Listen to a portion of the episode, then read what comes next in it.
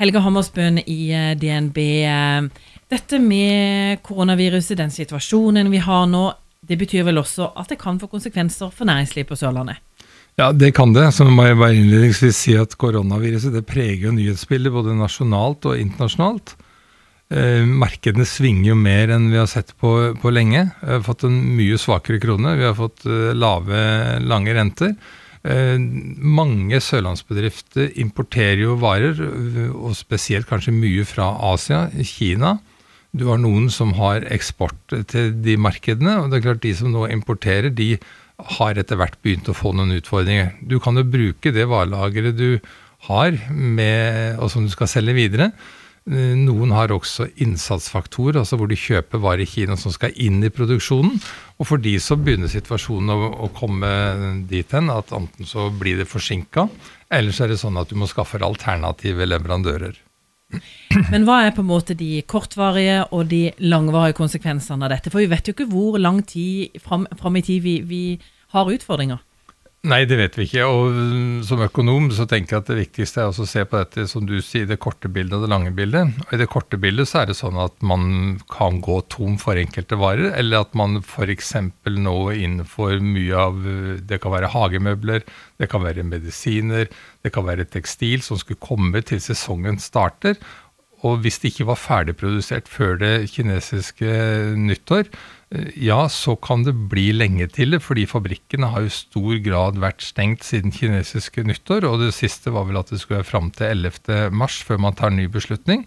Og hvis det var vedvarer, så blir det forsinka, kommer for seint inn i sesongen, og da får det konsekvenser for omsetningen og det du klarer å selge som en bedrift eh, her på Sørlandet.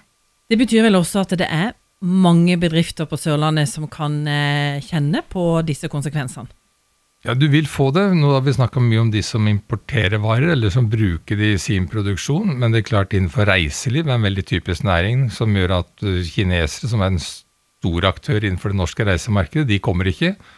Eh, Det betyr at det er varsla permitteringer innenfor hotell- og restaurantnæringen. Flere distriktshoteller melder om eh, konferanser og avbestillinger i stort omfang. Så det er klart, her, her har du typiske bransjer som, som merker dette. Du merker når du er ute og flyr, at det er mindre folk som bruker flyene. Vi har sett at eh, forhåndsbestillinger på Norwegian, SAS og andre internasjonale flyselskaper har gått ned. Så det får ringvirkning hele tida fordi vi blir mer stasjonære. Vi tenker som før vi reiser. Og vi reiser selvfølgelig mindre på ferie enn det vi gjorde bare for eh, en del uker siden. I Finansposten i dag så snakker vi litt om hva slags eh, konsekvenser koronaviruset får på, for næringslivet på eh, Sørlandet. Det har vi sett litt på nå. Og Helge Hammersbøen, eh, dette her, vi vet jo ikke noe tidsperspektiv på dette her. eh, Og det får eh, konsekvenser. eh, Og det kan vel også i verste fall føre til at bedrifter vil slite så mye at det kan bli konkurser. Ja, Det spekuleres jo noe i det i media. Nå skal ikke vi gjøre så mye av det, men det er klart det er en risiko som ligger der. fordi at hvis du får en etterspørselssvikt etter varer og eller tjenester, og, og du må begynne å permittere, så betyr det at inntektene dine eh, faller.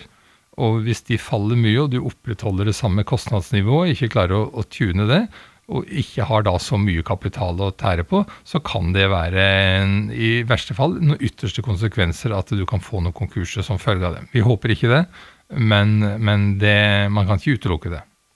Du, Hvis vi ser litt på økonomien vår, dette med børsen, der, eh, hva skjer der? Ja, børsen har fått seg en, lever jo litt sånn at frykt er jo det verste børsen vet. Korona betyr jo frykt. Og man så jo liksom hvordan enkelte økninger i smitta eller dødsfall i Kina slo inn på verdens eh, børser. Oslo Børs har falt eh, mye, bare for å holde oss til hjemlige. Og, og da er det viktig for meg å si at den har falt ca. 10% fra årsskiftet og fram til nå. Men hvis du måler det fra 1.1 i 2019, så har du fortsatt en positiv avkastning på 7-8% Så her er det viktig å ha lange briller på, og det har vi snakka mye om. At du må ha en langsiktighet når du er inne i aksjemarkedet. Du må ikke drives av kortsiktige svingninger. Men det er andre virkninger òg. I går så satte den amerikanske sentralbanken ned renta med det vi kaller 50 basispunkter, altså 0,5 prosentpoeng. Det er for å stimulere eh, økonomien, for å stimulere aksjemarked og stimulere til økt aktivitet, som gjør at vi forbrukere kjøper mer varer og tjenester. Det har igjen slått over i det internasjonale rentemarkedet. Vi ser eksempelvis at den norske krona eh, er veldig svak fortsatt, og historisk eh, svak, med euro liksom over 10,40, dollar 9,25. Eh, rentene, de lange rentene har falt. På, for, for oss som forbrukere nå, så har vi faktisk fått fastrentenivåer som er lavere enn det flytende rentenivået. Det betyr at du kan binde en tiårs fastrente på boliglån til ca. 2,75 prosentpoeng, eh, og kanskje flytende rett under 3 eller rundt 3 prosentpoeng.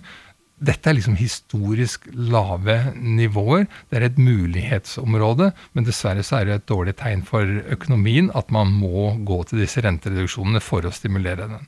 Men vi må være oppmerksom på det er mange gode kjøp du kan gjøre, eller plasseringer, ved å binde renta i de tidene som man er. Og så er spørsmålet kan det falle enda mer. Ja, hvis du har en vedvarende frykt, og markedene drives som de gjør nå, så er det en mulighet for å kan gjøre. Men det å time alltid, alltid bunn, det er vanskelig. Så du må på en måte bestemme deg for til de nivåene som er der. Men til slutt eh, litt om eh, vårt eh, eget forbruk. Det vil kanskje få konsekvenser der også? Ja, jeg tror mange vil bli litt mer forsiktig. Du vil bruke mindre penger på å reise. Du vil bruke litt mindre penger for øvrig. Nå er det jo å si at det er den enkelte av som antagelig vil agere på den måten og kanskje spare for å ha litt i reserve i sånne usikre tider. Eh, på en annen side, er det noe som nå næringslivet trenger, og som økonomien vår trenger, så er det faktisk at du og meg og alle andre virkelig bruker penger og holder forbruket oppe, for det er bra for bedriftene, det er bra for arbeidsplassene, det er bra for norsk økonomi.